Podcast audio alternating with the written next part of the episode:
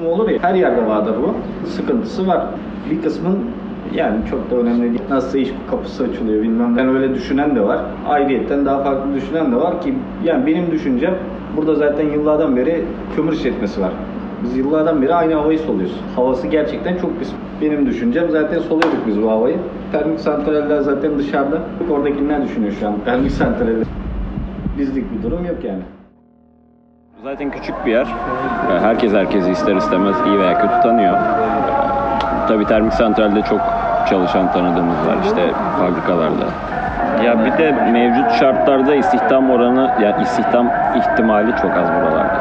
Ekmek kapısı olarak bu büyük fabrikalar görülüyor çoğu yani insanlar tarafından. Ve hani birinin başına bir şey gelmedikçe aslında çok da şikayet edecek vakti bulamıyorlar. Çünkü çalışan parasını oradan kazanıyor yani. Aslında çok fazla bunu düşünmeye vakti olmuyor insanlar.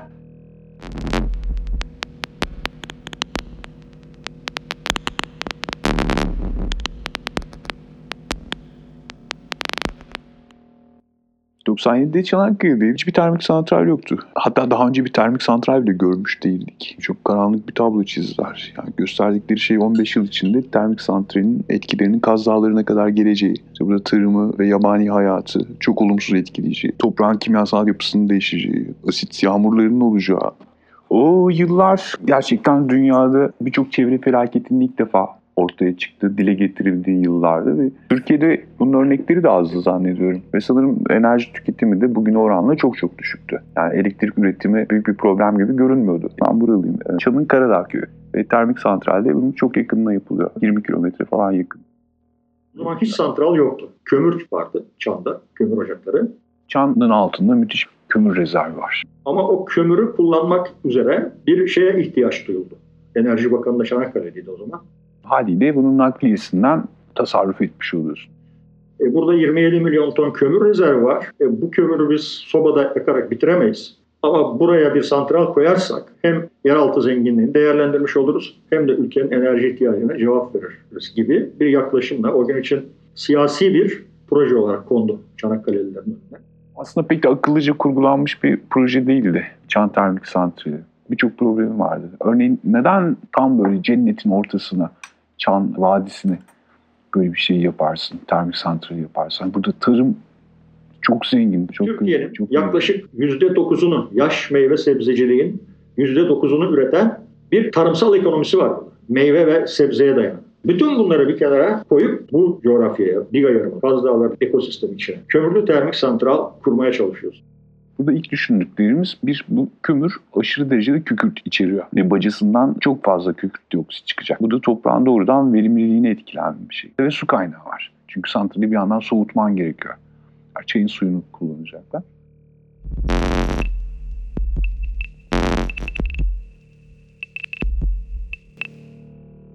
Şimdi batıda bir termik santral sadece elektrik üretmekte kalmıyor. Ürettiği sıcak suyu da şehir ısıtmasında kullanıyor. Bizim bir tek kömürlü santral yok ki bir köyü ısıtsın sıcak suyuyla. Şam su kullanıyorlar tesisler. Yeraltı halkın kullandığı o hurma köyden suyu alıyorlar, santrala veriyorlar.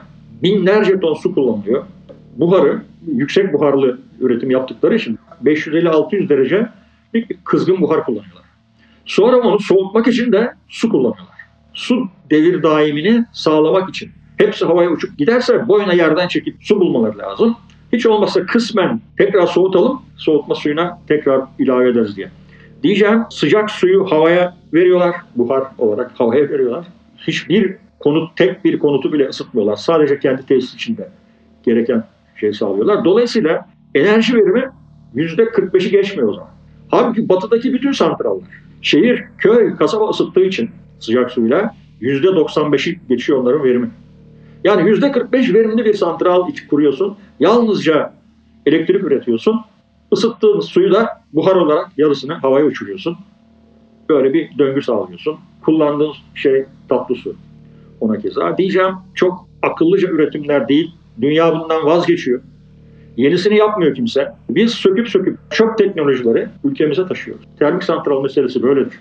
Daha bunu 4700 megawatt yetip artarken Çanakkale'ye 4-5 katına çıkarmak hiç akıllıca bir enerji politikası değildir. Her yerde belirtiyoruz. Şu anki durumu Hayvanım diyor bahçeme çıkarıyorum otlayacak. Önce üstünden külü yalıyor hayvan. Altından ota ulaşıyor. Ben diyor bu hayvandan nasıl süt alacağım? Külü yalıyor dilinden. Altından ot çıkar. Otlar da kül bastırdığı için üstünü büyüyemiyorlar. Ot verimi de düşüyor.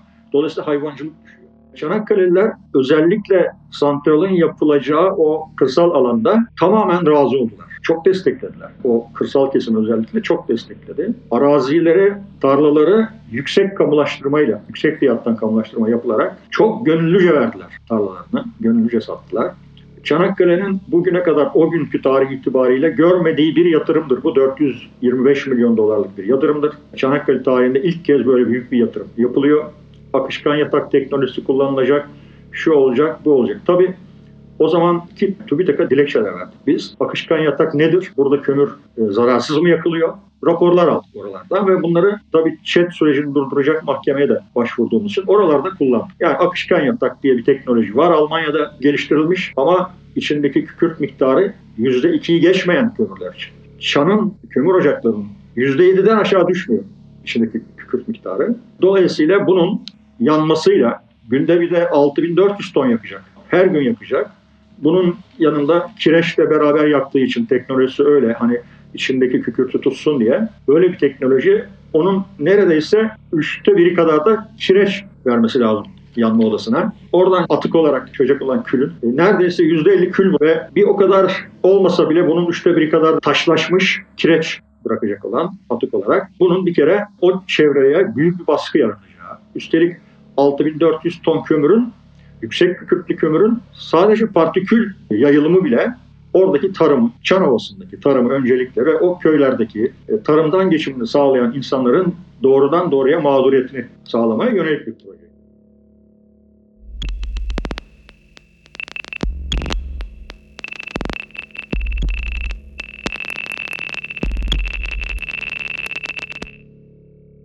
Mesela çam ormanının altında pek ot bitmez. Çünkü çam asidik iğneleri toprağa düştüğünde asitleştirir toprağı. Bahçeye çam ekmezsin onun için. Altında bir şey yetişmez çünkü. Böyle bir asit etkisi olacak toprağa bu kükürt dioksitin. Ve üstelik bu kömürün kalorisi de çok düşük. Yani tam verimli çalıştırmayacak santrali. Haliyle bu santralin buraya kurulmasının hiçbir anlamı yok. Bu kömürle bunu burada çalıştıramayacaksan neden buraya kuruyorsun? Şan kış aylarında arabanızla içinden far yakmadan geçemezdiniz. O zaman bir tek şey vardı. Kale Seramik Fabrikası. Seramik Fabrikası.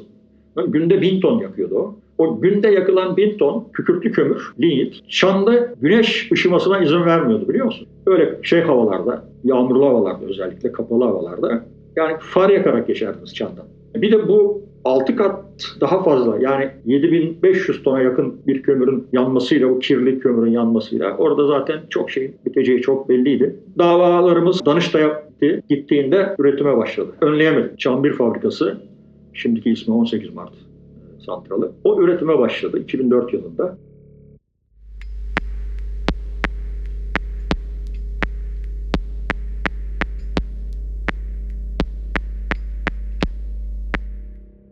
Chat raporuna tabii ki itiraz edildi, mahkemeye verildi. Hatırladığım kadarıyla geri döndü ama sonunda o rapor kabul edildi. Yani 100 sayfalık bir rapor yazılıyor. İşte itiraz ediyorsun. Yani bu sefer 1000 sayfalık bir rapor geliyor yine ve yine bilim insanları tarafından bu imzalanmış oluyor. Bilim insanlarının orada ne kadar tarafsız oldukları çok şüpheli. Herkesin morali bozuldu. Yani biz kazanamayacağız bu şey böyle. Daha bizim davamız bitmemiş. Danıştay'da davamız dururken burada üretime geçti. Duruşmalarına gittiğimizde buradan Kömür Enerji Bakanlığı'nın danışmanı o teknolojiyi o önermiş. Buradan da örnek numune kömür Almanya'ya götürmüştü. Laboratuvar koşullarında en, en seçme kömürleri götürmüş arayıp bularak en seçme 4 tır kömür götürmüş Almanya'ya. Laboratuvar koşullarında teknolojinin uygun olduğunu ispat etmiş olarak mahkemede bunları savundu. Ama santral bitti. Hiçbir şekilde öyle çalışmadı. İthal kömür getirdiler, karıştırdılar. Yılda 1 milyon 200 bin ton kirece ihtiyaçları var. Kimse ihaleye giremedi. O kadar kireç sağlayıcı tedarikçisi bulamadılar. Sonunda işte o şimdi etrafa verdiği kirlilikle e, yüzde 40-45'i bulmuyor kapasiteyle çalışıyor. Ara ara duruyor. Kireç bulunamadığından, çok kükürtlü kömüre rastlandığında filtreleri çabuk dolduğundan ağır aksak gidiyor. Hiçbir şekilde Türkiye'nin enerjisine yani götürdüğünden getirdiğinin karşılamayacağı kadar enerjiye de pek katkısı yok. Bu bir tercih etmezmiş gibi. İkinci bir proje oraya uygulandı. Geçen sene üretime başladı enerji üretimine. O da öyle. Ağır çalışıyor. Üstelik çok daha kirletici. Bir de artık enerji tercihlerinde ülkeler beyin santrallarını, kömür santrallarını projelendirmiyorlar. Yani siz şimdi yeni bir ekipmanla yeni bir termik santral kuramazsınız. Dünyada bunların ekipmanları yapılmıyor artık. Ama ne yapıyor yüklenici firma? Mesela o ikinci termik santralın Avusturya'dan olduğu gibi söküp getirdiler. 20-25 sene Avusturya'da çalışmış bir santralı. Getirdiler. Paslarını tel fırçalarla oraya o santralı öyle kurdular. Ve çalıştığı ilk deneme üretiminden itibaren sorun hiç bitmedi. Sorun hiç bitmedi. Şu anda Çan'daki durum. Örnek vermem gerekirse. Çanakkale'de hava kalitesi 100 ise orada 260. 2.6 kat daha fazla kirli. PM2.5 en büyük belasıdır affedersiniz. Çevreye, insan sağlığına, hayvan sağlığına verdiği zarar bakımından en kötüsüdür. PM2.5 Çan'da hemen hemen her gün sadece hastane otobüsü diye bir otobüs kaldırmaya başladılar. Nereye gidiyor biliyor musunuz? Uludağ Üniversitesi Onkoloji Servisine gidiyor. Hasta otobüsü diyorlar. Gecenin geç bir saatinde kalkar, sabah Bursa'da olur. İşte kontrole giden kontrole gider, muayeneye giden muayeneye gider, tedaviye giden tedaviye gider. Böyle bir hasta otobüsü. Her gün. Yani bu değer bir şey midir? İnsanları bu kadar sağlıksız kılacak bir yatırım dünyanın vazgeçtiği, bunu bir enerji politikası olarak toplumun önüne koymak. Bu bölgenin tarihine, kültürüne, insanların sağlığına, biyoçeşitliliğine, herhangi bir çeşitliliğine bu ket vuran ve yok eden bir süreçte yavaş yavaş yok ediyor ve niçin yok ediyor? Şunu öğrendim. Buradaki termik santraller, aslında çoğu termik santral artık bizim enerji ihtiyacımızın kapasitesinin üstünde bu ne iş yapıyor? Fabrika, beton, çimento fabrikasının elektriğine gidiyor. İstanbul'daki AVM'nin elektriğine gidiyor. Çanakkale'deki halkın elektrik ihtiyacını karşılamak için değil, fabrikaların ihtiyacını karşılamak için. Mesela orada şeyi görüyorsun işte yerelden çıkıp o merkezi yönetimin Marmara bölgesinin geri kalan tüm şehirleri, hani İstanbul dışındaki tüm şehirleri İstanbul'a çalışıyor. Çanakkale'deki termik santral Çanakkale halkı için değil ki İstanbul için ya da işte buradaki fabrika için vesaire. Bunun yerele ne katkısı var? Buradaki insanlar ölüyor mesela. Yani anlayamıyorsun mesela bir yerden sonra mantığın artık gerçekten almıyor. Buradaki insanlar kanser, hasta, ölüyor, topraklarını kaybediyorlar.